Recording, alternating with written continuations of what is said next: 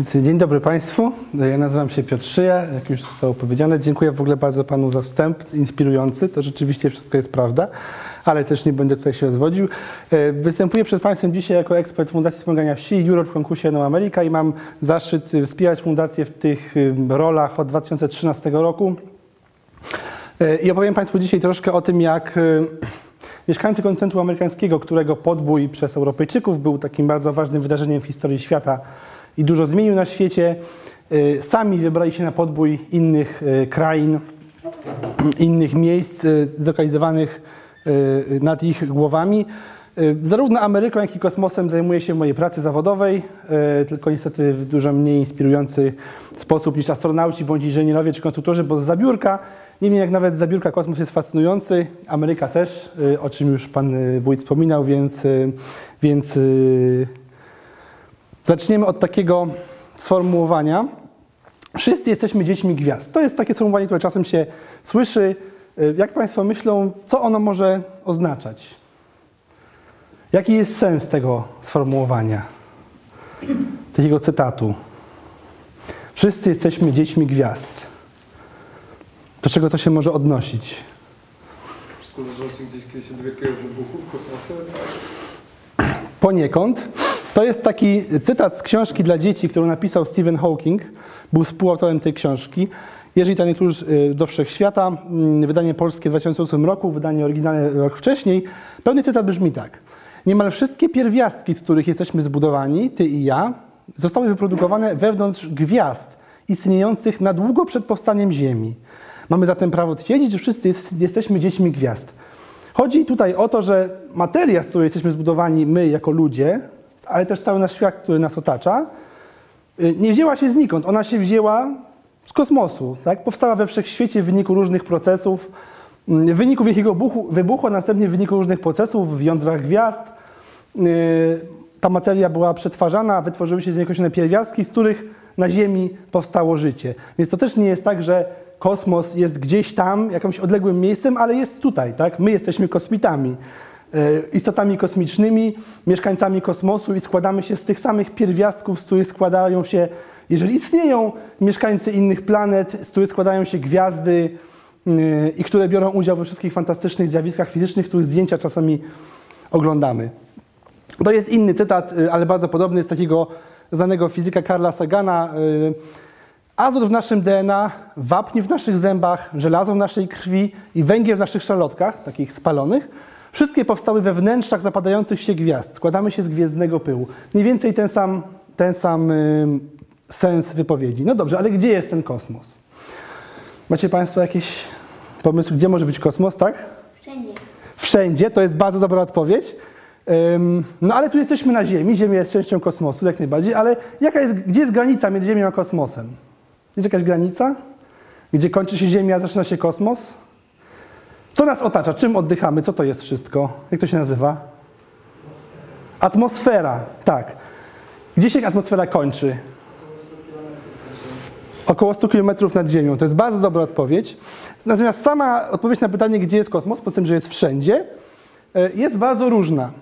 E, Na przykład taką odznakę, to jest odznaka astronauty, najrzadsza oznaka w siłach zbrojnych USA. Można ją uzyskać osoba, która odbyła lot na wysokości powyżej 50 mil, około 80 kilometrów. Mm, Są różne odznaki dla różnych formacji. To jest akurat odznaka y, sił lotniczych Stanów Zjednoczonych. Najbardziej powszechną uznawaną granicą kosmosu jest tak zwana linia Karmana, która znajduje się dokładnie 100 km nad poziomem morza, tak jak, tak jak to zostało wspomniane. Mm, Dlaczego akurat tam? To nie jest tak, że atmosfera Ziemi się kończy, tak jak granica między Polską a Niemcami, że teraz stoję w Polsce, a teraz stoję w Niemczech, albo jakakolwiek inna granica. Atmosfera Ziemi po prostu w miarę oddalania się od Ziemi staje się coraz bardziej rzadka, coraz rzadsza. I chodzi o znalezienie takiego miejsca, w którym warunki są już na tyle różne, że możemy mówić o zupełnie innym środowisku. Atmosfera ma różne, różne warstwy. Mówimy o troposferze, stratosferze, mezosferze, termosfera, dalej egzosfera i tak dalej. Linia Karmana, czyli 100, pie- y, 100 km przebiega gdzieś tutaj, tak? Yy, czyli jest, znajduje się w termosferze. Tak naprawdę badania, badania y, naukowców, fizyków mówią, że ta linia powinna być bliżej 120 km, bo tam te warunki, atmo- atmosfera jest na tyle rzadka, że, że to środowisko rzeczywiście się zmienia. Niemniej jednak najbardziej uznawaną wszędzie i również w różnych organizacjach międzynarodowych jest ta linia 100 km, czyli tak zwana linia Karmana. Mm, Jeżeli sobie weźmiemy taką mapę, w centrum umieścimy Lisewo i narysujemy takie kółko, które będzie miało promień 100 km, to zobaczymy, że my dzisiaj do Państwa jadąc z Warszawy przebyliśmy dużo dłuższą drogę niż mamy do granicy przestrzeni kosmicznej. Czyli Państwo macie do kosmosu bliżej niż na przykład do Poznania, Warszawy, Gdańska. Kosmos jest dużo bliżej niż się nam wydaje. Jest tam trudniej dotrzeć, ale jest bardzo blisko. To nie jest tak, że to jest gdzieś, nie wiadomo gdzie, jest to bardzo blisko. Międzynarodowa Stacja Kosmiczna, czyli jedyne w tej chwili miejsce, w którym człowiek istnieje, żyje poza Ziemią, orbituje na wysokości około 420 km nad poziomem morza, mniej więcej. I jeżeli zrobimy sobie taki sam eksperyment, to zobaczymy, że no Berlin już jest bliżej, ale Słowacja jest już dalej. Czyli ta Międzynarodowa Stacja Kosmiczna to fantastyczne urządzenie, o którym no, nie śniło się filozofom dosłownie, chociaż może akurat im się śniło, znajduje się bliżej Lisewa niż Słowacja.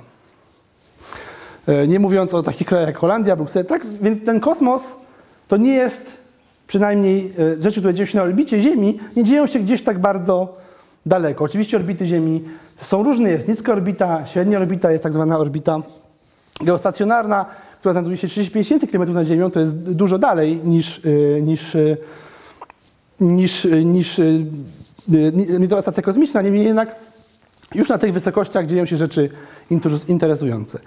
No dobrze, ale po co nam ten kosmos? Czemu o nim mówić? Czemu my się tam w ogóle wybieramy?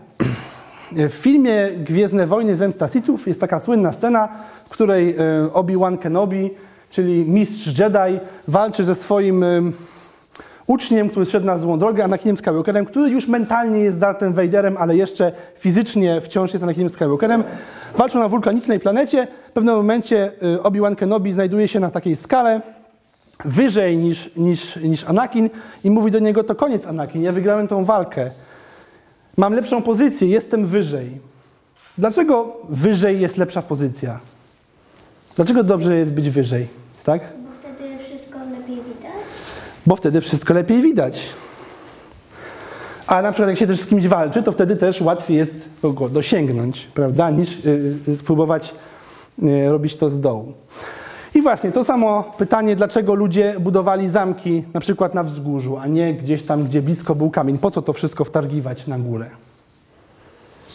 Trudniej było tam. Łatwiej bronić. Łatwiej bronić, ale też lepiej widać. Dokładnie. Z tego samego powodu na przykład budujemy wieże strażnicze. Y, To jest, y, nawiasem mówiąc, Fort Ticonderoga, znajduje się w stanie Nowy Jork. Mówimy Ameryce, więc używam przykładów, um, używam przykładów tamtejszych. W Parku Narodowym Yellowstone na górze Washburn znajduje się taka y, wieża strażnicza, y, która znajdowała, ona już chyba została niestety zniszczona w wyniku klęski naturalnej, ale znajdowała się taka wieża strażnicza, z której y, generalnie służyła do tego, żeby dostrzegać pożar w parku, prawda? Więc skąd ogarnąć cały park wzrokiem? No najlepiej Szukać mi się lepiej. Najlepiej z góry. I tam też można mi się jogi pewnie dostrzec. Dlaczego, kiedy ktoś do nas przemawia, to stoi na podium albo jest, stoi, a my siedzimy? Dlaczego tak jest? Tak? Żeby mógł wszystkich y, dobrze zobaczyć. To też jest część odpowiedzi. A dlaczego jeszcze on jest? Żeby lepiej słychać. Dokładnie. Dlatego, że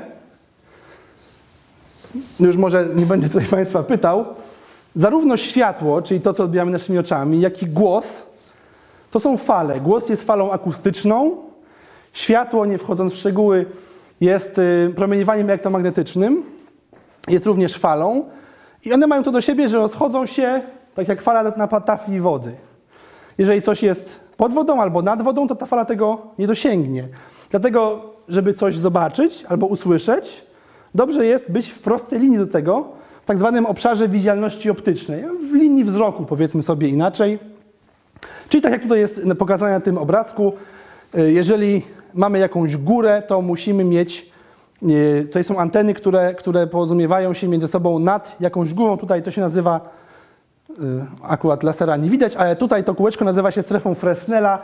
To chodzi o, ym, o, o, o promieniowanie, w jaki sposób antena, antena promieniuje. Natomiast generalnie dobrze jest, żeby się widzieć i słyszeć, dobrze jest po prostu się widzieć i słyszeć. Tak mieć linię prostą między jakimiś e, obiektami. Jeżeli byśmy mieli kogoś, kto byłby tutaj niziutko, a druga osoba tutaj, nie widzielibyście, potem byście nie słyszeli.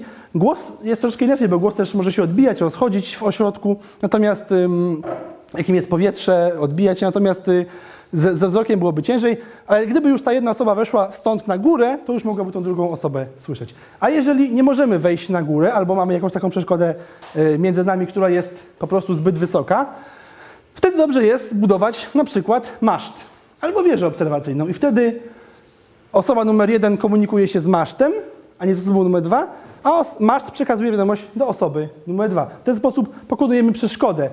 I ta linia prosta staje się taką linią krzywą. Tak? Możemy mieć linię krzywą dzięki temu, że mamy na górze przekaźnik. De facto mamy dwie linie proste. I ludzie z tego korzystali. Tak? Umieszczali wieże obserwacyjne na górach, umieszczali, y, wy, wynaleźli y, aparaty latające, żeby widzieć coraz większej odległości, coraz większy obszar, balony, a w końcu samoloty. To jest amerykański samolot rozpoznawczy Lockheed U-2, który odegrał bardzo ważną rolę w okresie zimnej wojny. To był taki samolot, który był wyposażony w bardzo, y, tutaj na dole miał taką kamerę, leciał na bardzo dużej wysokości, żeby nie można, trudniej go było rozpoznać, bardzo szybko i robił zdjęcia kluczowych obszarów Związku Radzieckiego. E, A to z kolei jest, proszę Państwa, taki maszt telewizyjny. On znajduje się w miejscowości Blanchard w Dakocie Północnej. Ten maszt przez długi czas był najwyższą konstrukcją na świecie, zbudowaną przez człowieka. W roku 74 chyba zastąpił go tak zwany maszt warszawski. W takiej miejscowości Konstantynowo chyba, obok Warszawy znajdował się najwyższy maszt na świecie od wysokości około 60, 640 metrów. Ten maszt warszawski w końcu się zawalił, y, chyba w 91 roku.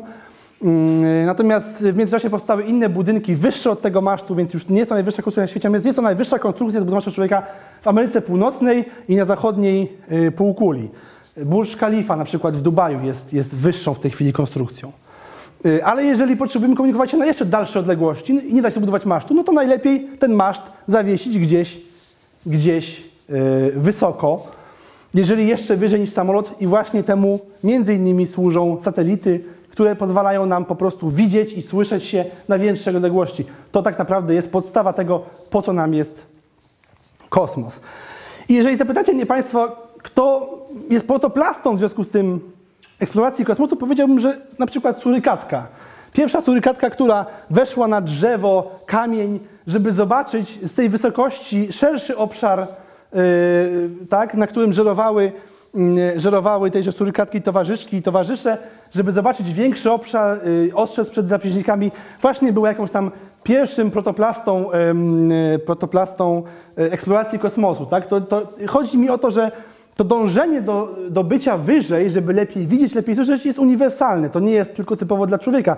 Również w naturze takie coś mm, występuje i w ten sposób chcę Państwu pokazać, że eksploracja kosmosu jest pewnym naturalnym kierunkiem ewolucji człowieka. Tak? Chcemy widzieć więcej, słyszeć lepiej. Surykatki nie mają możliwości wysyłać satelitów. Gdyby miały, pewnie by to robiły, żeby widzieć jeszcze więcej drapieżników i móc się lepiej ze sobą komunikować. Jak wykorzystujemy kosmos? Generalnie ym, wykorzystanie kosmosu do celów świadczenia usług, danych, świadczenia danych, świadczenia usług i produktów y, na Ziemię to takie cztery najważniejsze obszary. Pierwszy to jest obserwacja Ziemi, drugi komunikacja satelitarna, trzeci pozycjonowanie, nawigacja i wyznaczanie czasu, czwarty obserwacja przestrzeni kosmicznej. I pokrótce opowiem troszkę o każdym z nich. Każdy, albo może inaczej. Każdy z nich ma bardzo wiele, to są bardzo różne zastosowania tych wszystkich, wszystkich tych rzeczy. My nawet nie zdajemy sobie sprawy, jak one są istotne, jaką rolę odgrywają w naszym życiu. Mm, oczywiście obserwacja Ziemi w ramach y, działań wojskowych, rozpoznanie wojskowe, świadomość tego, co robi nasz przeciwnik, co on tam buduje, jaki ma sprzęt itd., itd. Porządek publiczny. Y, na przykład, proszę Państwa, z pomocą satelitów można zobaczyć, czy ktoś w ogródku gdzieś tam nielegalnie nie, nie produkuje jakichś rzeczy, nie ma jakiejś hurtowni nielegalnej, przykład papierosów albo czegoś, tak? Y, Można gdzieś patrzeć, gdzie, gdzie jakieś nie- niepożądane aktywności się dzieją. Administracja rządowa i samorządowa.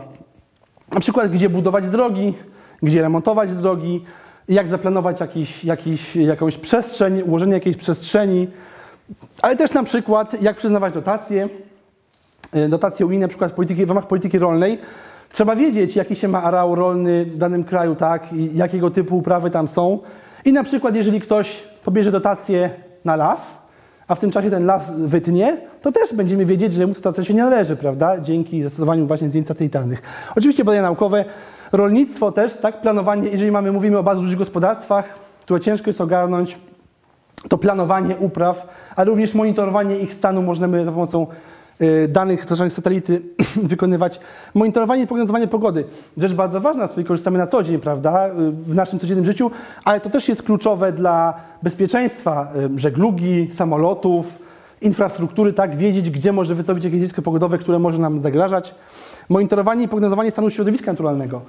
Mowa tutaj jest o takich rzeczach na przykład jak ym, przewidywanie powodzi, jakichś osuwisk ziemi, y, zjawisk y, wulkanicznych i tego typu rzeczy, które również mogą, mogą nam bardzo zagrażać. Ale na przykład y, występowanie gór lodowych, tak, że później można byłoby ostrzec y, statki, żeby daną trasę omijały. Monitorowanie stanu infrastruktury. To jest bardzo ważna rzecz. Na przykład, y, oczywiście y, jakiś tam dróg, prawda, tego typu, ale na przykład sieć elek- elektryczna, tak, y, na takim dużym obszarze jak Stany Zjednoczone, gdzie są duże obszary niezamieszkałe, y, żeby monitorować stan sieci elektrycznej, jeżeli zdarzy się jakaś awaria, żeby dowiedzieć się, gdzie ona jest, też jest to bardzo istotne, żeby posiadać dostęp do danych satelitarnych, bo to nam pozwoli precyzyjnie to zlokalizować. Lub na przykład jakaś awaria wodociągu, prawda? Yy, Ale też właśnie monitorowanie stanu, powiedzmy sobie, yy, linii kolejowej, prawda? Jeżeli mamy długą linię kolejową, która gdzieś tam długo biegnie bez żadnych stacji, żeby wiedzieć, gdzie co się dzieje, czy wszystko jest w porządku, wykorzystujemy dane satelitarne. Zarządzanie reagowanie- kryzysowe, na przykład w przypadku yy, powodzi, lokalizacja, gdzie są ofiary, gdzie należy skierować pomoc. Zarządzanie ruchem y, lotniczym, morskim zwłaszcza, ale na przykład również y, drogowym. Jeżeli y, za pomocą satelity widzimy, że gdzieś są korki, to należy ruch gdzieś przekierować, powiedzmy, prawda? Zastosowanie komercyjne również, czyli możemy sobie po prostu dla własnej przyjemności kupić obraz naszego domu. Ale też y, firmy w różny sposób wykorzystują takie dane. Komunikacja. Oczywiście komunikacja rządowa i wojskowa, głównie w tej chwili jako taka komunikacja zapasowa dla ponieważ rządy i wojska dysponują, dysponują również dysponują również y, komunikacją naziemną, natomiast y, zwłaszcza na przykład jeżeli mówimy o takich rzeczach jak misje zagraniczne, prawda, to jest kluczowe, żeby mieć kontakt z, z jakimiś tam y, wojskami. Telewizja satelitarna, no to bardzo popularna rzecz, radio troszkę mniej, internet satelitarny coraz popularniejszy, w tej chwili jeszcze dosyć drogi, i, i mało wydajny, ale to będzie się poprawiało. Telefonia satelitarna, mm, wyobraźmy sobie, że mieszkamy gdzieś w Australii lub Stanach Zjednoczonych w jakimś miejscu, którego nie dociera po prostu żadna linia tele, tele, telefoniczna, nie docierają żaden inny sygnał, to telefonia satelitarna może być właśnie dla nas opcją jedyną, na przykład jeżeli potrzebujemy wezwać pomoc, prawda? Ale na przykład jeżeli jesteśmy podróżnikami, którzy gdzieś tam się wybierają, prawda, na Mount Everest na przykład, czy gdzieś, to to też nam się to przydaje, żeby mieć y, właśnie jakąś łączność zapasową gdzieś y, z cywilizacją. Łączność z odległymi lub y, nieocenionymi inaczej obszarami to jest też aspekt tej, tej, telefonii, ale na przykład można za pomocą komunikacji satelitarnej prowadzić lekcje, prawda? Na przykład jeżeli ktoś mieszka gdzieś w jakimś australijskim buszu, tak, mieszka tam jego rodzina, to za pomocą właśnie takiego, mm, takich urządzeń sanitarnych on może na przykład brać udział w zajęciach szkolnych, co byłoby dla niego inaczej niemożliwe, po prostu byłoby za daleko. Zarządzanie ruchem, tak, jeżeli już wiemy, że gdzieś ten korek jest, za pomocą komunikacji sanitarnej możemy, możemy, mm, możemy ten ruch prowadzić, kierować, ale to jest y, dużo bardziej kluczowe w przypadku na przykład ruchu morskiego bądź lotniczego, gdzie statek na morzu, jeśli już wykryjemy tą górę lodową, to jak inaczej damy temu statkowi znać, żeby ją ominął, prawda? Musimy mieć kontakt za pomocą satelity, czy tego bardzo wysokiego masztu po prostu. Zarządzanie infrastrukturą. To jest, y, proszę Państwa, kluczowe, ponieważ wracamy na przykład do tych linii energetycznych, rozciągniętych na bardzo dużym terytorium. To często są, są systemy automatyczne mm, e, i, i, musimy, i musimy jakąś mieć kontrolę nad, nad tymi stacjami. Możemy na przykład za pomocą, będąc w jakimś miejscu, wysłać sygnał ileś tam y, setek bądź tysięcy kilometrów, y, kilometrów, żeby gdzieś tam jakaś stacja, tysięcy to może nie, ale setek, żeby, żeby jakaś stacja w jakiś sposób zareagowała, wykonała jakąś komendę, żeby umożliwić, y, żeby umożliwić lepsze działanie tej, tej, tej infrastruktury. Zarządzanie i reagowanie kryzysowe, oczywiście zastosowania komercyjne. Co jest ciekawe, to to odgrywa tym większą rolę, im bardziej korzystamy z systemów automatycznych bądź autonomicznych, bo te systemy bez kontroli człowieka potrzebują właśnie bardzo dobrej komunikacji między sobą i centrami dowodzenia, żeby działać. Czyli jeżeli mamy tą linię energetyczną, którą gdzieś tam zarządzamy, to jeżeli robi to automat, człowiek zawsze może próbować y, wziąć telefon, zadzwonić do innego operatora, jakoś to obejść. A jeżeli mamy robić to automat, mamy system, który automatycznie steruje jakimś tam ruchem gdzieś, to ten system tym bardziej jest zależny od ciągłego dostępu do komunikacji. Pozycjonowanie, nawigacja i wyznaczanie czasu. To generalnie y, zastosowanie ma w transporcie. Oczywiście korzystamy na co dzień, tak? Y, my z, naszej, nawigacji, my dojechaliśmy tutaj do Państwa dzięki nawigacji satelitarnej, ale proszę sobie wyobrazić całe sieci dostaw, które są potrzebne, żeby zaopatrzyć sklepy towary na przykład, tak? Y, które korzystają z tego. Zarządzanie ruchem, jak również, tak? Y, drogowym, morskim, lotniczym. Zastosowanie komercyjne, i coś, co jest kluczowe, o czym często się nie mówi. Myślimy o nawigacji jako tylko o wyznaczaniu, pozycjonowaniu, czyli wyznaczaniu miejsca na mapie i ewentualnie nawigowaniu do innego miejsca. Natomiast kluczową funkcją jest tutaj wyznaczanie czasu. Czyli precyzyjne mówienie dzięki tej zdolności, gdzie jesteśmy, ale i kiedy jesteśmy, o której godzinie. To jest kluczowe. Tym bardziej kluczowe, im bardziej mówimy znowuż o systemach automatycznych i autonomicznych. Jeżeli na przykład mamy, proszę Państwa, sieć energetyczną, to nie jest przykład wzięty, wymyślony, ale autentyczny, że tak powiem. Jeżeli mamy sieć energetyczną, którą zarządzamy i mamy bardzo ważny mecz, który się dzieje tego wieczora, to wiemy, że tego wieczora będzie większe zapotrzebowanie na energię elektryczną, bo ludzie będą oglądać mecz, prawda? Ale wiemy też, że w przerwie tego meczu wszyscy wstaną, pójdą do kuchni i zrobią sobie herbatę, włączą czajnik elektryczny i na przykład do mikrofalówki włożą jakieś jedzenie, żeby je podgrzać, co znowuż zwiększy pobór mocy. I teraz musimy, zarządzając naszą siecią, tą sieć przygotować. Ona i tak już jest napięta, tak, i tak już jest y, bardzo wykorzystywana, bo i tak telewizja, tak, y, czy światło w domach powoduje, że, tego prądu, że ten pobór prądu jest duży, ale będzie on jeszcze większy. Więc musimy dać elementom naszej sieci, która jest rozciągnięta, dać znać, że o określonym czasie mają spodziewać się większego zapotrzebowania. I wyobraźmy sobie, że ten sygnał przychodzi za późno o 5 minut. A tutaj dzieje się tak, że nawet bardzo małe błędy na poziomie satelity skutkują dużymi błędami na poziomie Ziemi, rzędu kilkunastu minut, nawet do godziny.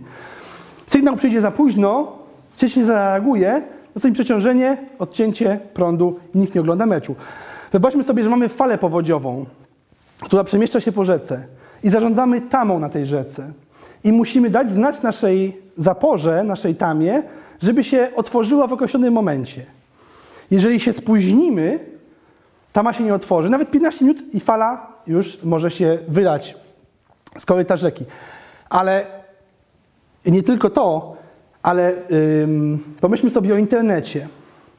Internet służy do zawierania transakcji również. Każda transakcja musi być precyzyjnie być opisana, o której godzinie się wydarzyło, nie tylko gdzie, ale też o której godzinie, kto je zawarł i o której godzinie. To jest kluczowe, żeby można było tą, tą transakcję zaksięgować.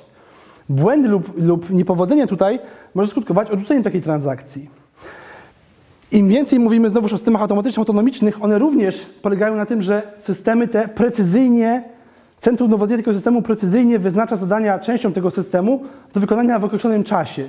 Jeżeli sekwencja się nie uda, to wtedy cały system nie zadziała.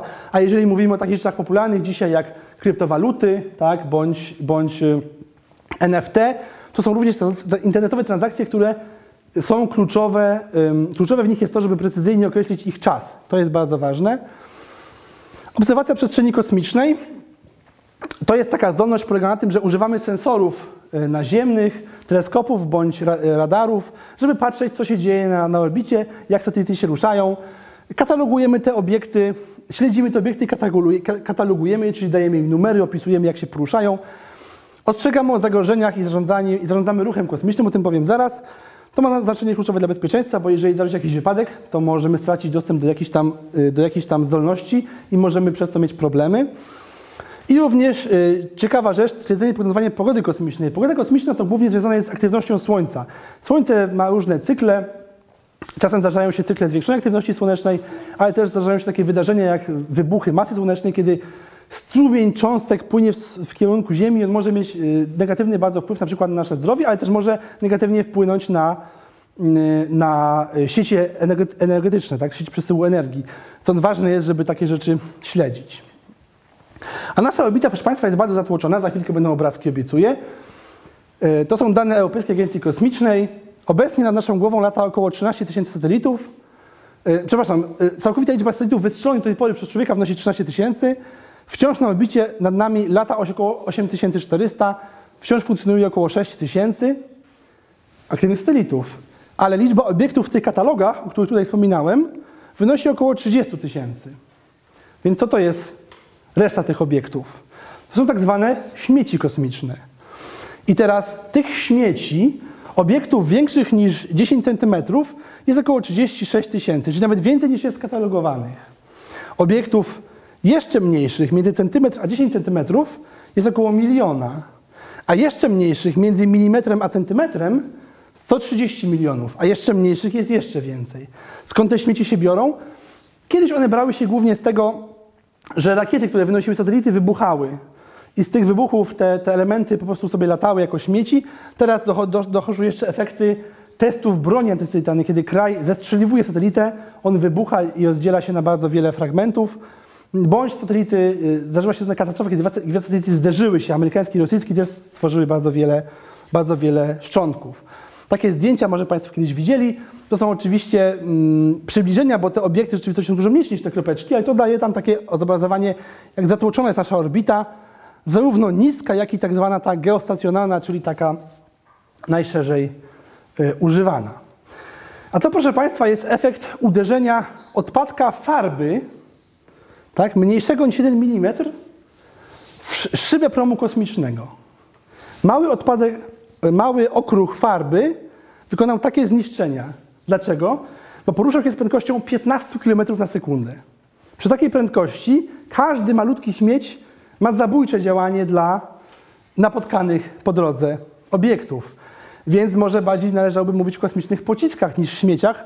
To jest taki eksperyment, kiedy z taką prędkością 15 km na sekundę malutka y, metalowa kulka uderzyła stalową płytę, robiąc taką dziurę i jeszcze powodując ukształcenie tutaj. To jest y, pouszkadzane przez, przez śmieci kosmiczne albo mikrometeoryty, mm, y, anteny, antena i baterie, panele słoneczne teleskopu Hubble'a.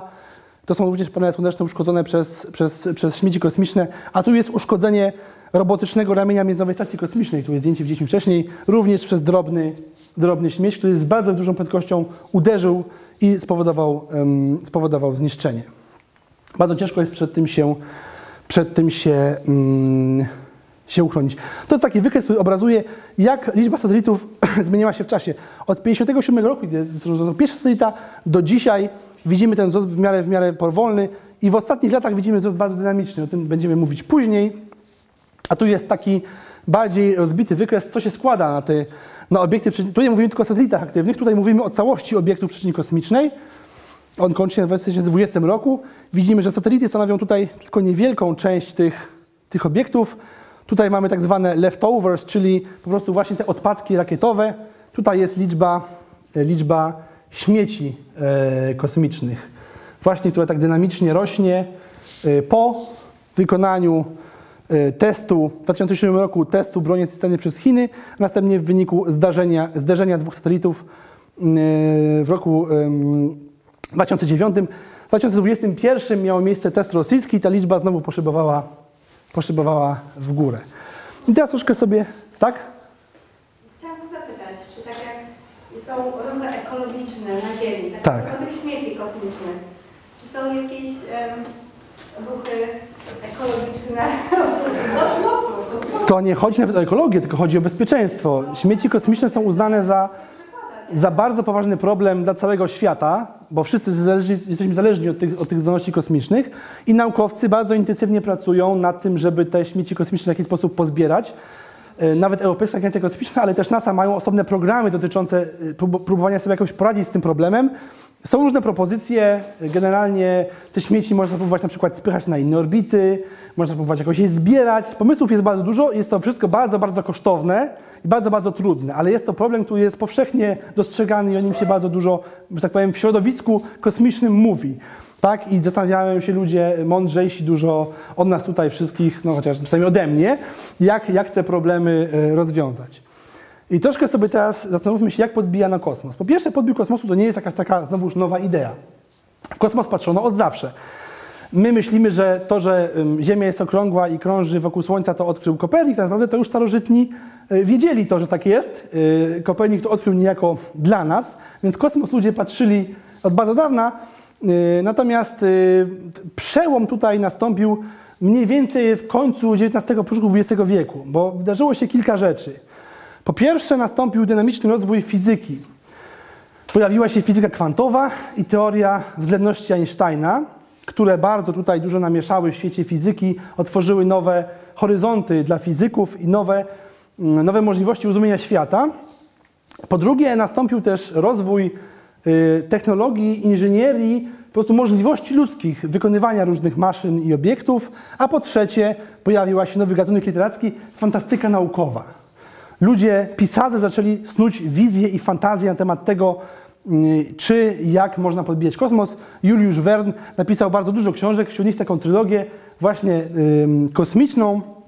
W jego książce ludzie, załoga zostaje wystrzelona w kierunku kosmosu z, z, w pocisku, który jest wydrzony z gigantycznej armaty z terenu USA, jest wystrzelona e, na orbitę Księżyca. Tam planują wylądować, ale w wyniku różnych wydarzeń okrążają Księżyc i wracają, wracają na Ziemię. Tego typu książki były bardzo popularne, zresztą wciąż są. Później inni autorzy, H.G. Wells, brytyjski autor, tak, e, napisał Wojnę Światów, E, też również bardzo znaną książkę, która e, mówiła o inwazji kosmitów na Ziemię. I to spowodowało też, że idea podboju kosmosu, w ogóle tym, że kosmosem można się interesować, dotarła do coraz szerszych kręgów ludzi. Czytali te książki również tacy ludzie, którzy mieli już praktyczne umiejętności realizacji pewnych zamierzeń. Między innymi taki pan nazywał się Konstanty Ciołkowski. On był, jego ojciec był Polakiem ze Słońcem Syberyjskim, więc mamy tutaj nasz wkład w badania kosmiczne. To był człowiek, który w roku 1903 opublikował taką, taki artykuł naukowy i to była teoria napędu rakietowego. On wymyślił rakiety, jak mają działać również kilkanaście lat później napisał kolejną e, artykuł, którym opisał konstrukcję rakiety wielostopniowej, czyli to, co, z czego korzystamy dzisiaj. E, I później po tych, oczywiście to nie jest tak, że Juliusz Verne, który był Francuzem, czy Ciałkowski byli jedynymi tego typu, to są tylko przykłady, tak? E, Pokazuję Państwu, że, że zarówno e, zaistnienie kosmosu w masowej wyobraźni ludzkiej, jak i właśnie to, że inspirowali się tym tacy ludzie, którzy mieli praktyczne umiejętności i chęci realizacji tych, tych, tych marzeń, spowodowało duży postęp w tym zakresie i później zaczęli się tym kosmosem interesować już e, nie tylko marzyciele i teoretycy, ale też wizjonerzy i praktycy. Tutaj mamy takiego pana, on nazywał się Werner von Braun. Bardzo ciekawa postać, ponieważ e, to był, to był człowiek, który e, był odpowiedzialny za produkcję w nazistowskich Niemczech rakiet. Jest ojcem, twórcą takiej rakiety V2, pierwszej na świecie rakiety balistycznej, która, której, której testy trwały jeszcze od przed II wojną światową, natomiast użycie bojowe dopiero w 1944 roku. Y, Użyta była krótko, wystrzelono około 5000, y, 5500 rakiet, około 7000 ofiar y, śmiertelnych użycia tej broni. Miała to, być, miała to być taka ostateczna broń, która zmieni losy wojny, to się dzięki, temu, dzięki, dzięki Bogu nie udało. Natomiast Werner von Braun ym, znalazł się później w Stanach Zjednoczonych. Zarówno Amerykanie, jak i Rosjanie y, mieli taką, taki pomysł, że jednak tych naukowców niemieckich trzeba by do siebie zgarnąć, bo oni nam mogą pomóc. I w ramach operacji Spinach, Paperclip, Wernera von Brauna razem z y, rakietami V2, które pozostały, przetransportowana oraz tysiącem innych naukowców przetransportowano do USA i on rozpoczął pracę dla rządu amerykańskiego. Wybaczono mu jego błędy z przeszłości, ponieważ y, zadanie, które mu którym postawiono, było bardzo duże. Znaczy, tu jest zdjęcie, kiedy jest w gabinecie swoim w NASA. E, Kierunki eksploracji i wykorzystania kosmosu. Czyli jak już wiemy, że chcemy udać się w kosmos, no to po co się tam udajemy? Mówiliśmy już o wykorzystaniu kosmosu w ramach świadczenia usług na Ziemi. Inne kierunki, którym to robimy, to eksploracja Układu Słonecznego, czyli naszego najbliższego, powiedzmy, środowiska, eksploracja wszechświata i y, człowiek w kosmosie, czyli los, loty y, ludzkie, tak? loty, loty mm, w kosmos załogowe i kolonizacja, można powiedzieć, kosmosu. I teraz troszkę sobie opowiemy, to są oczywiście mój subiektywny wybór takich, takich wydarzeń w ramach eksploracji i badań Układu Słonecznego. Mamy takiego satelitę, który nazywa się Deep Space Climate Observatory. To jest bardzo ciekawa satelita, bo znajduje się w tak zwanym punkcie libracyjnym. W wielkim skrócie mówiąc, to oznacza, że znajduje się mniej więcej w stałym miejscu między Ziemią a Słońcem. On jest tam po to, między innymi, bierze udział w badaniach y, naukowych, ale też po to, że kiedy wydarzy się jakieś na Słońcu wydarzenie, które dla nas, na, nas zagraża, to on, będąc między nami a Słońcem, jest w stanie to wykryć i dać nam sygnał wyprzedzający, że takie coś się wydarzy, żebyśmy mogli się przygotować. To nie jest długi czas, około 15 do, minut do godziny, ale wciąż daje nam szansę, żeby przygotować się w jakiś sposób na, na takie wydarzenie. Bardzo ciekawy i bardzo, bardzo ważny mm, satelita. Yy, I też bardzo ciekawa technologia właśnie wykorzystania tych takich miejsc, punktów libracyjnych. To jest bardzo ciekawy punkt, w którym yy, każde ciało niebieskie, planeta, gwiazda mają grawitację, wzajem się przy- przyciągają, ale jeżeli spojrzymy, to między nimi jest taki punkt, gdzie grawitacja obu się znosi i ciało pozostaje w spoczynku. I właśnie ten satelita wykorzystuje to zjawisko fizyczne. Takich punktów jest więcej, nie tylko jeden yy, w takich układach podwójnych, ale tu już nie będziemy o tym mówić. Ciekawa misja bardzo kosmiczna w ramach badania Układu Słonecznego, którą ja bardzo lubię, to jest misja sondy Cassini. To była sonda, która została wysłana w 1997 roku na orbitę Saturna. Ona stała się sztucznym satelitą Saturna i orbitowała wokół niego, prowadziła badania. Jednocześnie e, lądownik o nazwie e, Huygen został, e, wylądował na powierzchni Księżyca Saturna Tytana. Dlaczego właśnie tam? Bo to był jeden z tych obiektów przestrzeni kosmicznej, którym myśleliśmy, że być może panują tam podobne dobre warunki do tego, żeby, y, żeby tam wybrać się z misją załogową. A to jest ulubiona misja marsjańska, misja Pathfinder. Niedawno żeśmy się emocjonowali rok temu y, misją, misją y, takiego łazika Perseverance on się nazywał, czyli wytrwałość amerykańskiego NASA. To jest pierwsza, pierwszy łazik na Marsie. Misja nazywała się Pathfinder i w ramach tej misji na Marsie wylądowała taka stacja, która prowadziła różne badania i taki malutki łazik, y, który był takim sześciokołowym pojazdem, który miał sobie jeździć i robić zdjęcia. To miała być misja techniczna, demonstracja możliwości technologii, natomiast i oczekiwano, że on będzie działał kilka dni, natomiast okazało się, że działa bardzo dobrze, zwłaszcza ten mały, malutki łazik, E, jeździł sobie po prostu, e, przebył około 100 metrów, bardzo dużo zdjęć dostarczył, bardzo dużo różnych danych. Natomiast to, co jest dla mnie takie ciekawe w tej misji, to jest to, że mm, baterie w końcu, e, energia w tym e, lądowniku e, wyczerpały się. On przestał móc komunikować się z Ziemią. Ale w tym małym łaziku nie wyczerpały się. I on był tak zaprogramowany, że gdy utracił kontakt z tym lądownikiem, to wrócił do niego i jeździł wokół niego. Dokąd w nim nie wyczerpały się baterie. I ta wizja tego biednego łazika, który tam jeździ sobie i desperacko próbuje skontaktować się z tym niefunkcjonującym już łazikiem, dla mnie jest taka bardzo wzruszająca, nie wiem dlaczego, ale to jest moja ulubiona misja marsjańska, bo myślę sobie zawsze sentymentem, że ten biedny łazik na Marsie był tam sam, jeździł wokół tej stacji i nikt nie było nikogo, żeby mu go jakoś wesprzeć. A była też inna sytuacja, proszę Państwa, że y, inny łazik marsjański wysłany troszkę później przez NASA w wyniku burzy piaskowej na Marsie zamilkł.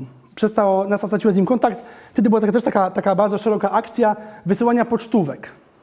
I Amerykanie, ale też nie tylko Amerykanie, wysyłali do NASA pocztówki zaadresowane do tego łazika. Trzymaj się, bądź dzielny. Niestety nie udało się, nie uzyskano z nim kontaktu, ale taka sytuacja też miała miejsce. Yy, W ramach badania wszechświata, czyli wychodzenia poza Układ Słoneczny, to takie też znowu, takich oczywiście misji są, są setki, to są tylko przykłady, które wybrałem.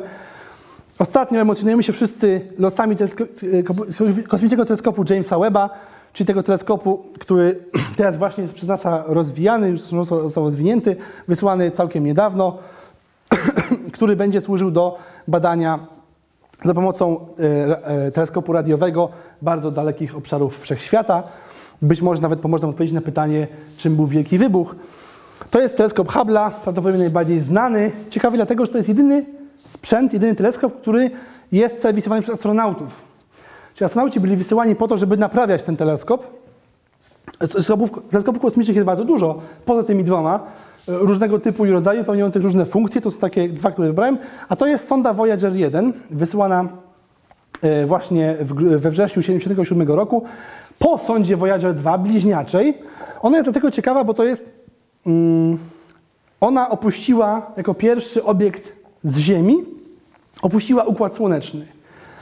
Czyli ona przemierza już przestrzeń, tak zwaną przestrzeń międzygwiezdną. Wyleciała y, z układu, y, tak, tak zwaną heliosferę, mm, heliopauzę, przepraszam, przekroczyła i już y, uwolniła się tutaj z okowów grawitacji Słońca i poleciała dalej. Jednocześnie jest to najszybciej poruszający się obiekt stworzony przez człowieka, dzięki temu, że zwanym asystom grawitacyjnym, czyli on tak sprytnie manewrował obok planet naszego Układu Słonecznego, które nadawały mu pędu i dzięki temu stał się, stał się tak, tak szybki, że był, w stanie, że był w stanie wylecieć poza Układ Słoneczny i teraz kontynuuje swoją podróż przez przestrzeń międzywiedzą. Wciąż jest z nim kontakt. Jeszcze prawdopodobnie do 2025 nawet roku być może będziemy w stanie odbierać, odbierać z niego sygnały cały czas, gdzie się znajduje. A to jest tak zwane zdjęcie bladej niebieskiej kropki. To zdjęcie wykonał właśnie ten satelita Voyager, kiedy już minął Plutona, y, dano mu komendę, żeby się odwrócił i wykonał to zdjęcie. Y, Pale, on obecnie, obecnie on znajduje się około 155 y, jednostek astronomicznych od Ziemi. To zdjęcie zostało wykonane z około 40 jednostek astronomicznych mm, od Ziemi. 14 lutego 1990 roku na zlecenie, na prośbę Karla Sagana, o którym mówiłem na początku. Nie wiem, czy Państwo widzą, Ziemia jest tutaj. To jest Ziemia. Widziana za y, Plutona, który już nie jest planetą, jak wiemy, jest planetą krągowatą, ale tutaj właśnie się znajdujemy. To te, te linie to są po prostu takie y, linie wynikające z padania światła. To nie są żadne obiekty, to po prostu są takie linie, które aparat uchwycił. A Ziemia właśnie jest tą bladą niebieską kropką w pustce kosmosu. No ale teraz wracamy tutaj. Powiedzieliśmy sobie o eksploracji słonecznego układu i wszechświata i teraz powiemy sobie o troszkę o e, człowieku w kosmosie. A zaczyna się to od wyścigu kosmicznego Rosji i Stanów e, Zjednoczonych, Związku Radzieckiego i Stanów Zjednoczonych, który rozpoczął się oświadczeniem sekretarza pasowego e, prezydenta Eisenhowera w roku 55. A co się działo między 45 a 55? Co wtedy robił Werner von Braun, którego przetransportowano do Ameryki i kazano mu pra- pracował nad rakietami. Program rakietowy rozwoju rakiet do przenoszenia głównie pocisków nuklearnych, tak, tym się zajmował, natomiast w roku 55 dojrzano już do tego, żeby na tych rakietach oprócz ładunków nuklearnych coś innego umieszczać. I e, ogłoszono, że e, Stany Zjednoczone w ramach obchodów Międzynarodowego Roku Geofizycznego planują wysłanie na, e, do przestrzeni kosmicznej e, na orbitę Ziemi pierwszego sztucznego satelity. Było to wydarzenie mm, bardzo, bardzo istotne. Ono właśnie rozpoczęło ten wyścig kosmiczny. Sam wyścig kosmiczny miał dwa takie aspekty. Pierwszym był aspekt polityczno-ideologiczny. O co chodziło? Chodziło o to, żeby pokazać, który system jest lepszy. Ten, kto, temu, komu uda się zdobyć więcej punktów w tym wyścigu, kto osiągnie więcej, więcej, ten okaże się być lepszym. Tego model okaże się być lepszym. Tu chodzi o konkurencję nie tylko między państwami, ale między komunizmem a, a demokracją, tak? między ideologiami, które te państwa reprezentowały. Tu są plakaty propagandowe rosyjskie, radzieckie, przepraszam, tutaj amerykańskie również takie były, dotyczące właśnie, to jest okładka magazynu Time z 1968 roku mówiąca o tym wyścigu kosmicznym. Drugi aspekt to oczywiście był aspekt wojskowy, czyli w ramach tego wyścigu, przy okazji udowadniania sobie nawzajem, kto jest lepszy, również rozwijamy technologie, które możemy wykorzystać w ramach technologii yy, wojskowych. To taki przebieg wyścigu kosmicznego. Pokrótce tutaj więcej tych flag jest yy, radzieckich, natomiast ten wyścig miał bardzo wiele różnych odsłon. Nie tylko ścigano się co do umieszczenia człowieka w kosmosie, ale też co do wysyłania sond na inne planety, tak? Więc jeżeli weźmiemy pod uwagę całość wyścigu kosmicznego, czyli zarówno wysłanie człowieka w kosmos, ale też wysyłanie właśnie badania innych planet, rozwój technologii itd., to Amerykanie wygrają więcej niż tutaj pokażę. To więc to nie jest tak, że Rosjanie wszystko wygrywali, po prostu akurat w tym aspekcie i też ja wybrałem tak może subiektywnie sukcesy. Pierwsza satelita niestety nie udało się Amerykanom. Pierwsi byli Rosjanie, wysłali Sputnika mm, w 1957 roku, co spowodowało bardzo, duży, bardzo dużą panikę w Stanach, tak zwany kryzys Sputnika, kiedy Amerykanie się przestraszyli, pomyśleli sobie, no tak, faktycznie oni są lepsi od nas. Faktycznie oni mają lepszą technologię, skoro im się udało, a nam nie. Do tego dochodzi fakt, że Amerykanie próbowali również wysłać tego satelitę, zrobili wielkie wydarzenie publiczne. Niestety to się nie udało. Satelita wzniósł się na około 2 metry, no tam niecałe 1,5 metra chyba, z tego co pamiętam, przepraszam, yy, i spadł na ziemię. Po czym satelita wypadł z, tego, z tej rakiety i potoczył się w trawę. Więc nazwano go kaputnik prześmiewczo mm, tego nieudanego, e, i ale rok później Amerykanom się udaje, w następnym roku, przepraszam, nie rok później, i wysyłają Explorera 1. W każdym razie dopiero ten kryzys, Sputnik Crisis i, to, i ten, ta porażka pierwsza amerykańska spowodowała, że no teraz to dopiero musimy im pokazać. Tu nas pokonali, to dopiero musimy, pokazać. No ale następną, y, następnym takim elementem wyścigu był pierwszy obiekt sztuczny na Księżycu. Tutaj y, Amerykanie znowuż przegrali. Y, te pierwsze satelity, lądowniki to były tak zwane impaktory. Czyli one po prostu miały się rozpędzić i uderzyć w powierzchnię Księżyca, wcześniej robiąc kilka zdjęć wysyłając w kierunku Ziemi. Y, Oba te obiekty są pierwsze obiekty amerykański y, i rosyjski odpowiednio, które uderzyły. Żaden z nich nie zrobił zdjęć. One tylko uderzyły w wyniku różnych awarii. Dopiero późniejsze loty spowodowały, spowodowały y, faktycznie y, zdjęcia. Pierwszy ssak, w ogóle pierwsze zwierzę w kosmosie, wiecie Państwo, jaka była pierwsza żywa istota w kosmosie? Muszka owocówka. Wiedziałeś, przepraszam. To Amerykanie na rakiecie V2 wysłali tej, którą przywieźli z von Braunem z Niemiec. Wysłali muszki owocówki, żeby przetestować, y, czy one będą w stanie przeżyć. Pierwszy ssak to łajka, y, niestety ona nie przeżyła tej, tej, tej podróży. Y, Amerykanie dopiero kilka lat później wysyłają szympansa, który już po powrocie, dopiero jak dowiedzieliśmy się, że przeżył, dostał imię Ham. Nie dawano mu imienia wcześniej, żeby nie było, że, że, że gdyby, gdyby zginął. Pierwszy człowiek w kosmosie, Yuri Gagarin, znowu Amerykanie, e, przepraszam, znowu Amerykanie przegrywają, tak. Rosjanie, Rosjanie wygrywają, Amerykanie troszkę później, Alan Shepard, ale też amerykański lot był zupełnie inny niż rosyjski, ponieważ Gagarin wykonał lot orbitalny, a Shepard tylko tak sobie skoczył i wrócił z powrotem. Pierwsza kobieta w kosmosie, Walentina Tierzkowa, już dwa lata po Gagarinie, pierwsza Amerykanka w kosmosie, Sally Ride, 20 lat po Tiereszkowej. Y, Amerykanie mieli bardzo duży problem, żeby dopuścić kobietę do programu kosmicznego i dopiero w 1983 roku pierwsza Amerykanka, y, pierwsza Amerykanka znalazła się w przestrzeni kosmicznej.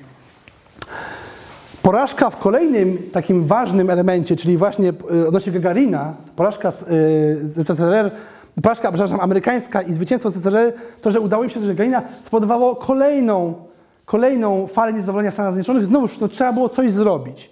Tutaj wchodzi prezydent Kennedy na scenę, który początkowo uważa, że kosmos jest nieistotny. Ten Eisenhower, który wymyślił satelitę, to w zasadzie wyrzucił pieniądze w błoto. Po co to komu? To jest nam niepotrzebne. Skupmy się na czymś innym. Ale później mamy porażkę w Zatoce Świń, kiedy, kiedy Amerykanie dotkliwie przegrywają, można powiedzieć, propagandowo również z reżimem kubańskim i, i, i z mm, de facto, de facto z ZSRR.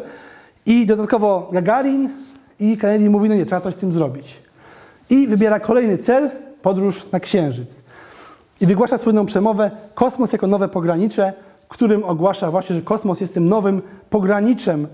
Mm, Pogranicze pełniło bardzo ważną rolę w historii amerykańskiej i teraz troszkę się na tym skupimy, czemu ten kosmos tak właśnie bardzo dobrze rezonował wśród tych Amerykanów. To jest taki obraz bardzo znany, nazywa się American Progress.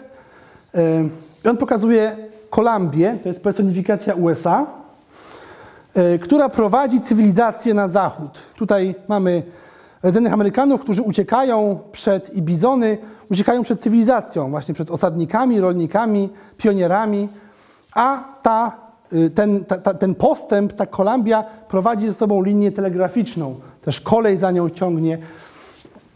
Objawione przeznaczenie, czyli ta ideologia, która tutaj za tym stoi, to była taka ideologia, taki pomysł, taki kon- koncept, który był bardzo popularny w Stanach XIX wieku, składał się z trzech części. Pierwsza jest taka, że przekonanie, że my, Amerykanie, mamy tak wyjątkowy kraj, że bardzo bardziej się nie da. Nasza, no nasz model cywilizacyjny jest tak inny i tak lepszy od wszystkich innych, lep, lepszy być nie może. Drugi element, mamy taki dobry system, taki dobry, taką dobrą, taki dobry model, więc musimy go szerzyć. Nie możemy go zachować dla siebie. Musimy dać szansę innym. A gdzie go szerzyć? No najpierw na zachód, bo tam był, była możliwość ekspansji, później coraz dalej i szerzej na świecie. A trzecim elementem było przekonanie, że musi nam się udać. To jest nasze przeznaczenie. Stąd objawione bądź widome przeznaczenie. A ten pierwszy komponent, o którym mówiłem, czyli przekonanie o tej wyjątkowości amerykańskiej, miało takie swoje znowuż dwa źródła. religijne i powiedzielibyśmy y, obywatelskie.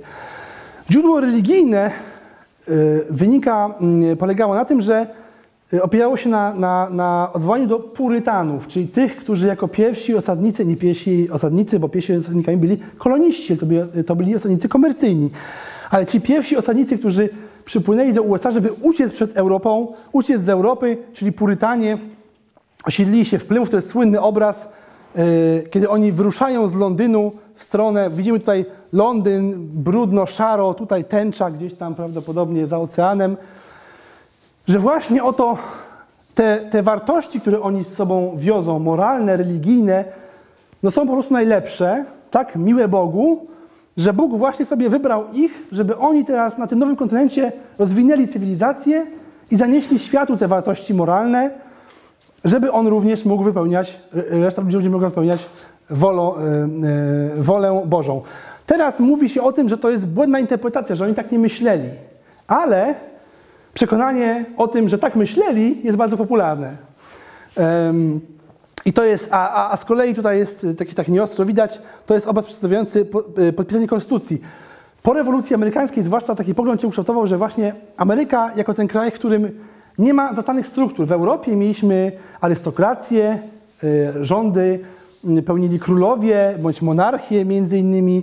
E, Był feudalizm, czyli system, w którym chłopi byli uwiązani do ziemi, byli własnością pana. Tam nic takiego nie było. Mieliśmy system, w którym panowała wolność. Każdy był wolny, oczywiście oprócz kobiet i osób niebiałych, ale do tego przejdziemy trochę później w historii amerykańskiej. Ale mieliśmy tu taką tą wolność, prawda? Wszystko zależało od człowieka, niezależnie kim się było. W Europie, jeżeli było się, ktoś się urodził wieśniakiem, to musiał wieśniakiem się również umrzeć. Tak? Jeżeli ktoś urodził się królem, to choćby był nie wiadomo jak e, beznadziejny, beznadziejny i nieudacznikiem, umarłby jako król.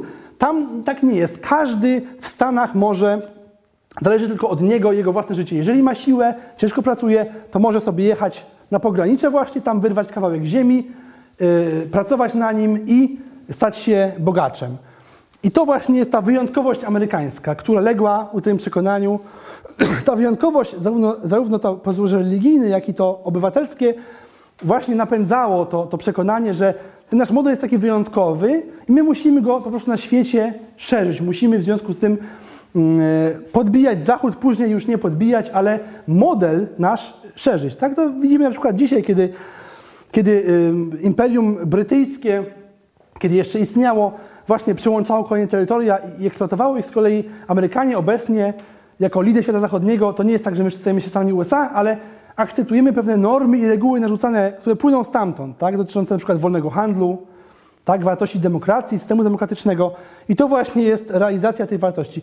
To po części oczywiście jest hipokryzja, prawda? No bo tutaj mamy piękne ideały, a z drugiej strony mamy również y, różne, różne rzeczy, które Amerykanie robili nie, na świecie niefajne. Mamy twarde interesy, mamy wojny, czasem, które były rozpętywane, y, można powiedzieć, w sposób nieuczciwy. Oczywiście prawda jest gdzieś tam po środku, prawda? Po części mamy te twarde interesy, które chcemy realizować, ale po części też ten idealizm gdzieś tam jest i na pewno ma oznaczenie, przynajmniej w polityce i retoryce, do dzisiaj. I wracamy w kosmos. Wiemy już, że Kennedy, mówiąc o tym kosmosie jako nowym pograniczu, odwołał się do tych właśnie, do tych właśnie schematów głęboko zakorzenionych w kulturze. Wyobraźmy sobie tych astronautów, którzy będą lecieć na Księżyc, jako tych pionierów, którzy o tutaj, w takim wozie, jadą kolonizować Dziki Zachód. Jadą nieść cywilizację. Tak samo my, Amerykanie, będziemy, nasi astronauci będą nieść cywilizację w kosmos. Nawiasem mówiąc, wiecie Państwo, co to jest znaczy astronauta? Nauta to żeglarz, od słowa żeglarz. Astro to gwiazda, więc astronauta to żeglarz gwiezdny. Kosmonauta to żeglarz wszechświata, żeglarz kosmiczny. Wracamy do wyścigu. E, Po tym, jak Amerykanie przegrali wyścig o pierwszego człowieka w kosmosie, kolejnym celem pierwszy człowiek na Księżycu. W międzyczasie dwie przegrane, pierwszy lot załogowy, czyli więcej niż jedna osoba, wygrywają Rosjanie e, w kapsule w misji Woschod 1, Amerykanie dopiero w kapsule Gemini e, rok, w następnym roku. Pierwszy kosmiczny spacer, Ed White po stronie amerykańskiej, ale wygrywa Rosjanin Aleksiej. To nie jest zdjęcie, to jest model. Aleksiej Leonow.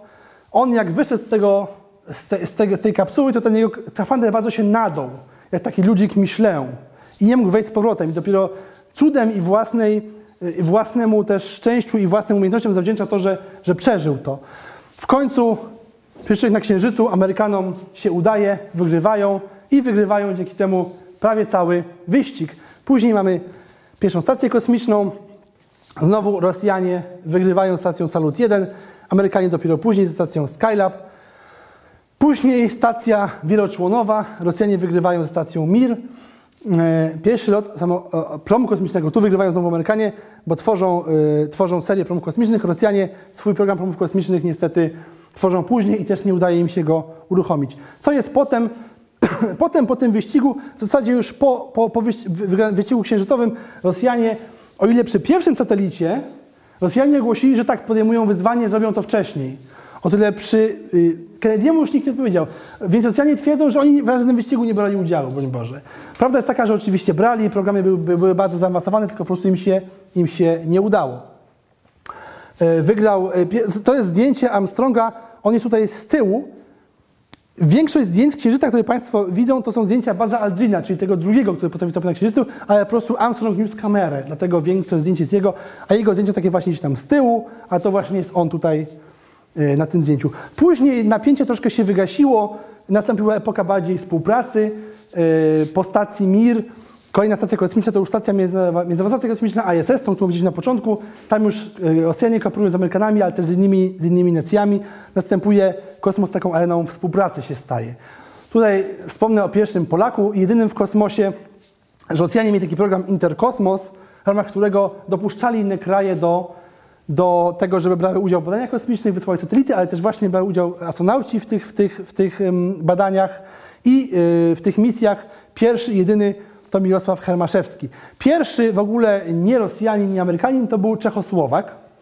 Drugi miał być y, Niemiec, NRD, ale Rosjanie uznali, że w Polsce są takie duże nastroje antyrosyjskie, więc może lepiej będzie jakiś taki sukces tutaj zrobić, żeby, żeby tutaj tą przyjaźń napędzać i stąd wysłano Hermaszewskiego, nic mu nie ujmując. Natomiast zdecydowanie bardzo dumny jest człowiek patrząc na, na osobę w, w handlu kosmicznym z polskim godłem, bez korony, co prawda, Mm, ale teraz y, być może y, Polska dołączyła do programu Artemis, czyli kolejnego programu, który ma zanieść człowieka na, na Księżyc i może tam też, y, do, możemy też właśnie, polscy astronauci może się znajdą, może ktoś z Państwa będzie chętny. Zachęcam.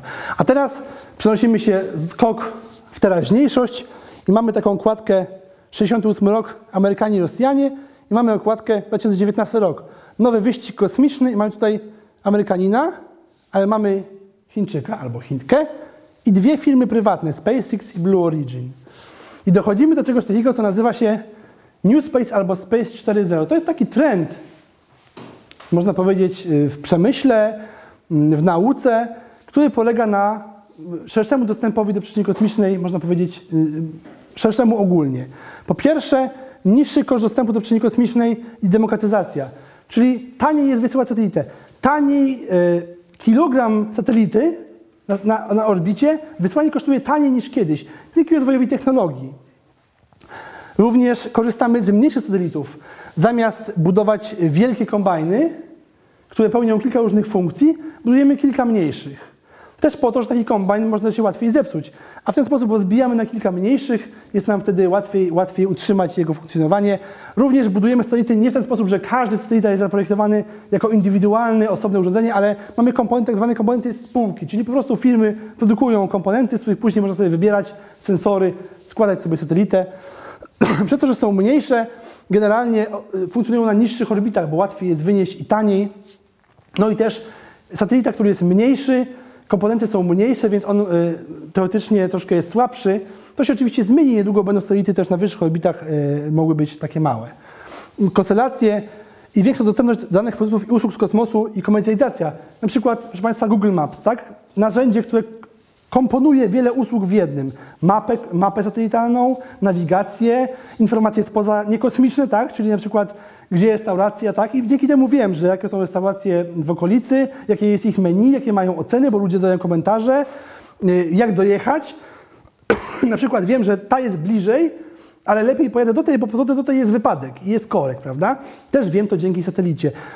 Więc takie narzędzia tego typu i kosmos staje się zyskowny dla inwestorów. To jest kluczowe, ponieważ Kiedyś tylko państwa było stać, żeby finansować badania kosmiczne. Teraz, jeżeli było się małą firmą i chciało się budować komponent satelitów, trzeba było zdobywać granty państwowe. Teraz tak nie jest. Teraz można iść do jakiegoś inwestora, jakiegoś banku czy funduszy i powiedzieć, dajcie mi kredyt na, na ten mój projekt.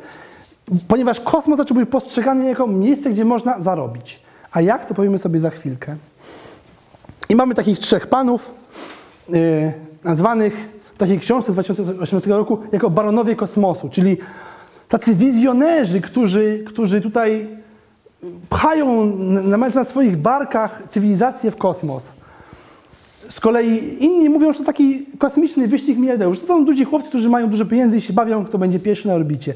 Prawda znowu się gdzieś tam po środku. Jeff Bezos, twórca firmy Blue Origin, Richard Branson, twórca dwóch firm Obi Vision Galactic, Elon Musk, twórca firmy SpaceX. No i właśnie, po co, dlaczego w kosmosie można zarobić? Po co się tam pchać i czemu ci panowie tam się pchają? No oczywiście po części dlatego, żeby y, swoje ego podbudować, ale też z innych powodów. Też o tym wspomnę, że do wszystkich z nich można i są zarzuty formułowane dotyczące etyczności prowadzenia ich biznesu, że nie do końca postępują może uczciwie, że czasem mogą gdzieś tam zachowywać się tak jak trzeba, że traktować pracowników. Abstrahując od tego i tej oceny etycznej, właśnie, właśnie tak jest. No i po pierwsze, satelit, satelitów. Rakiet wciąż jest mniej niż satelitów wysłania, więc można na tym zarobić.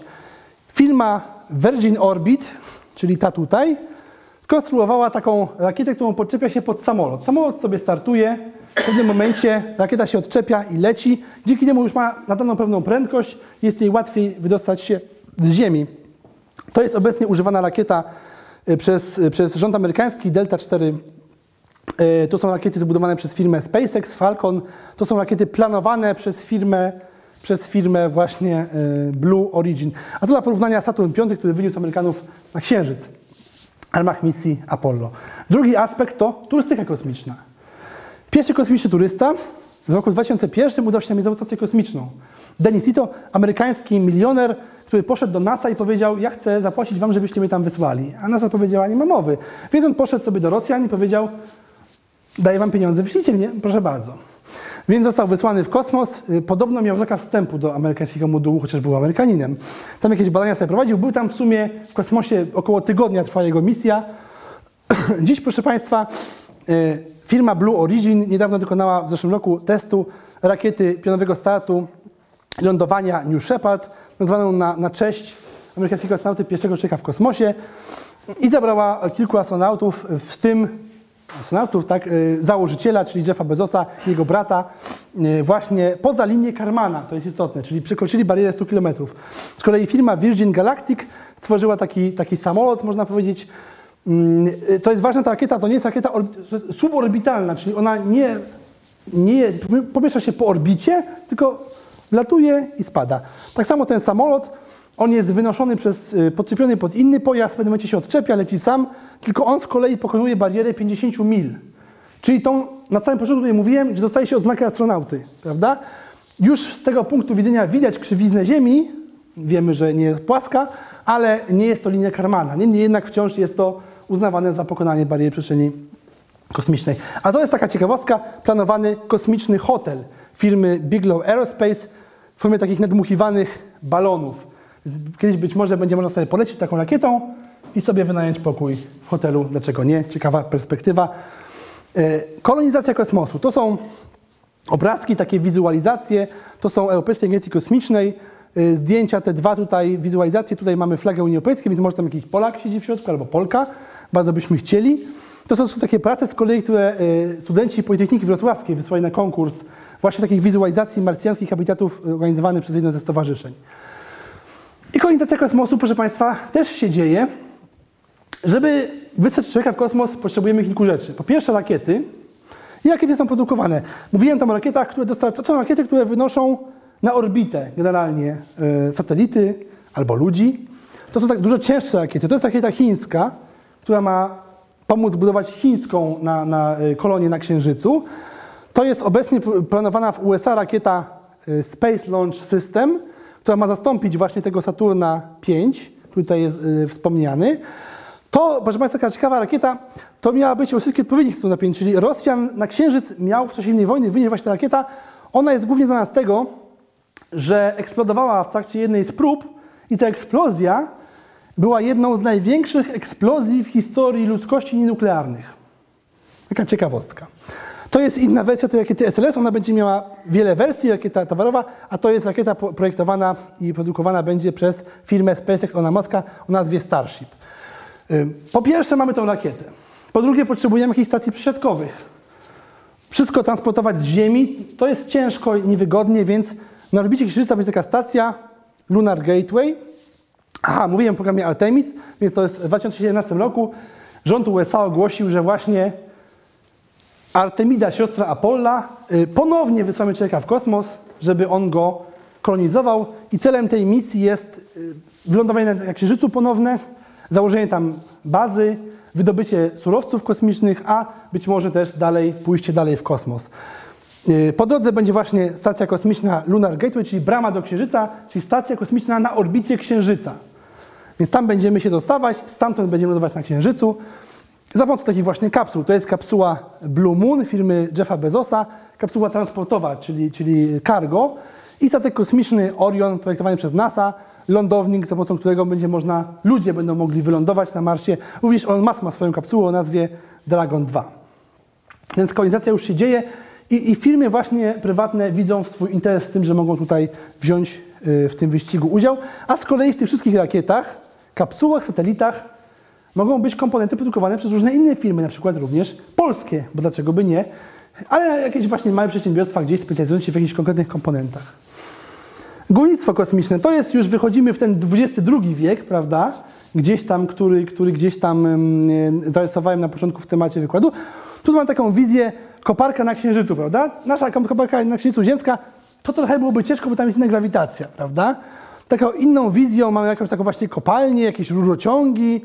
Tu jest taka stacja, która przebija satelity. To są wizje artystyczne, dużo bardziej realne są takie wizje jak tutaj. Czyli jakichś takich, chodzi po prostu o opłacalność. Żeby to się opłacało, to nie może być jakaś taka mała kopareczka, która sobie będzie latać tam i z powrotem. To musi być duże, żeby się opłacało. E, Więc mówimy raczej o jakichś takich wielkich przedsięwzięciach, które będą sobie gdzieś tam e, przemieszczać się, a najlepiej, tak jak tutaj, kiedy koparka przybija do asteroidy, wydobywa z niej minerały i jednocześnie buduje nową koparkę.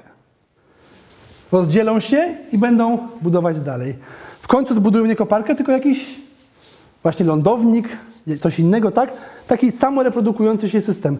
Chodzi o to, proszę Państwa, że bardzo ciężko jest wydostać się z Ziemi przez naszą grawitację i atmosferę.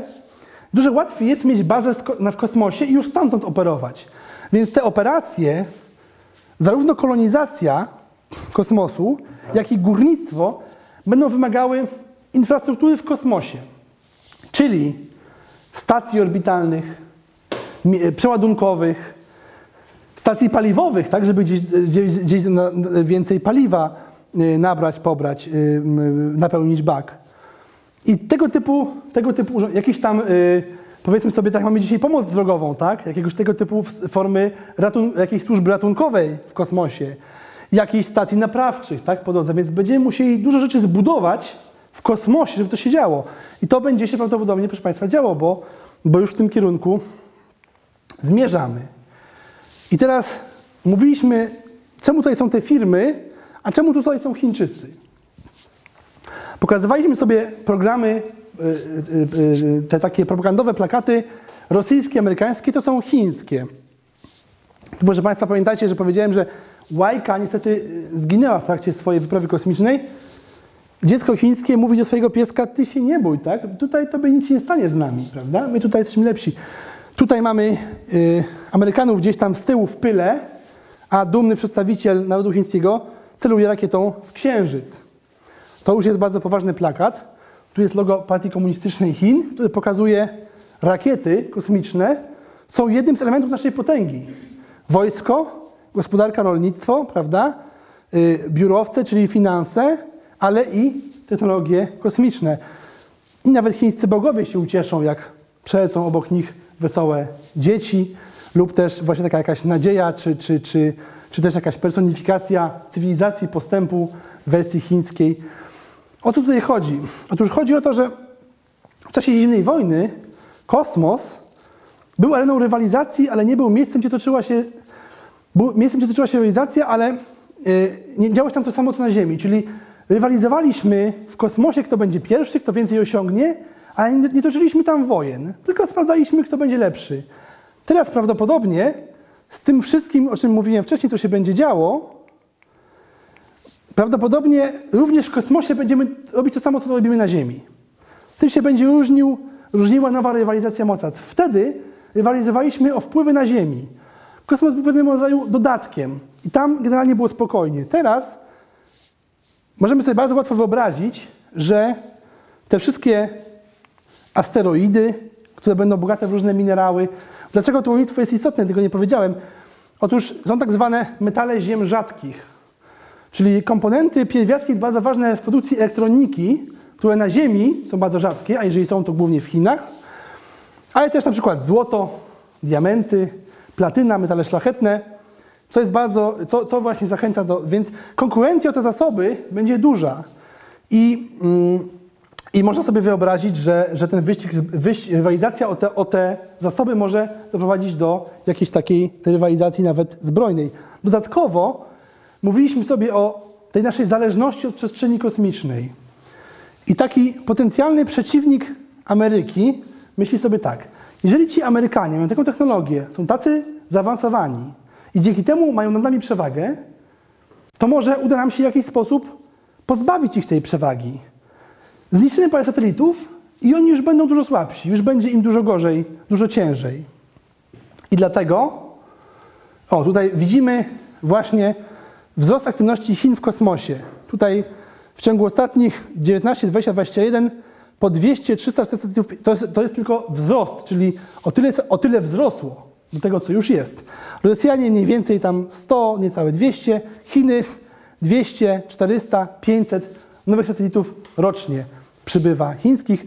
E, Najciekawsza jest ta tutaj, ta tutaj kategoria ostatnia, czyli satelity naukowe, tak zwane. Tak? Oczywiście wiemy, że to prawdopodobnie jest nieprawda i tam się kryje coś innego za tym.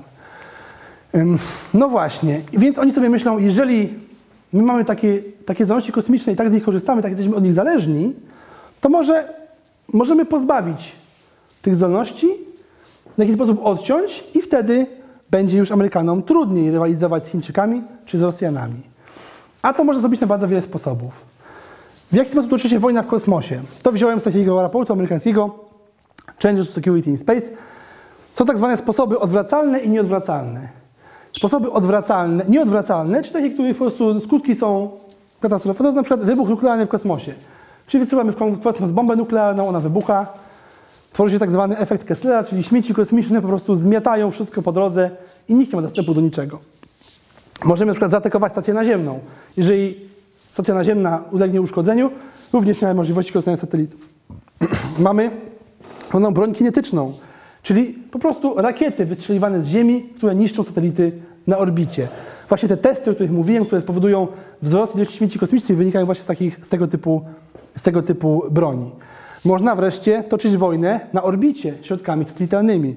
Można y, stosować ataki cybernetyczne, można stosować laser, tak jak mam tutaj, tylko dużo potężniejszy, żeby na przykład satelitę oślepić. Albo, żeby dużo większej mocy laser, żeby go zniszczyć. Możemy wreszcie używać zagłuszania. I to się wcale nie wydaje takie, y, takie trudne, ponieważ na przykład zagłuszarki są, sygnały satelitarne są zakazane, nie można ich kupić w legalnym obrocie, ale na pewnych portalach można kupić z powodzeniem za niecałych kilkadziesiąt dolarów małą przenośną zagłuszarkę, na przykład sygnału GPS. Można sobie nosić w plecaku. Znaczy nie można, bo to jest nielegalne, ale gdyby ktoś chciał tak zrobić, to mógłby to zrobić. Niewiele więcej, już dużo większe sprzęty kosztują. Nie będę pokazywał zdjęć tych, tych rzeczy, bo to właśnie jest y, sprzęt nielegalny. Natomiast można to zrobić i z całą pewnością przestępcy mm, będą z tego korzystać i różni ludzie, którzy chcą uczynić krzywdę innym ludziom. Więc zagłuszanie to nie jest taką właśnie drogą i skomplikowaną techniką. Możemy wreszcie na przykład nasze wojsko ukryć w jaskini i też satelit tego nie zobaczy. To są przykłady z kolei, proszę Państwa, walki orbitalnej, czyli jak można się bić już w tej chwili na orbicie.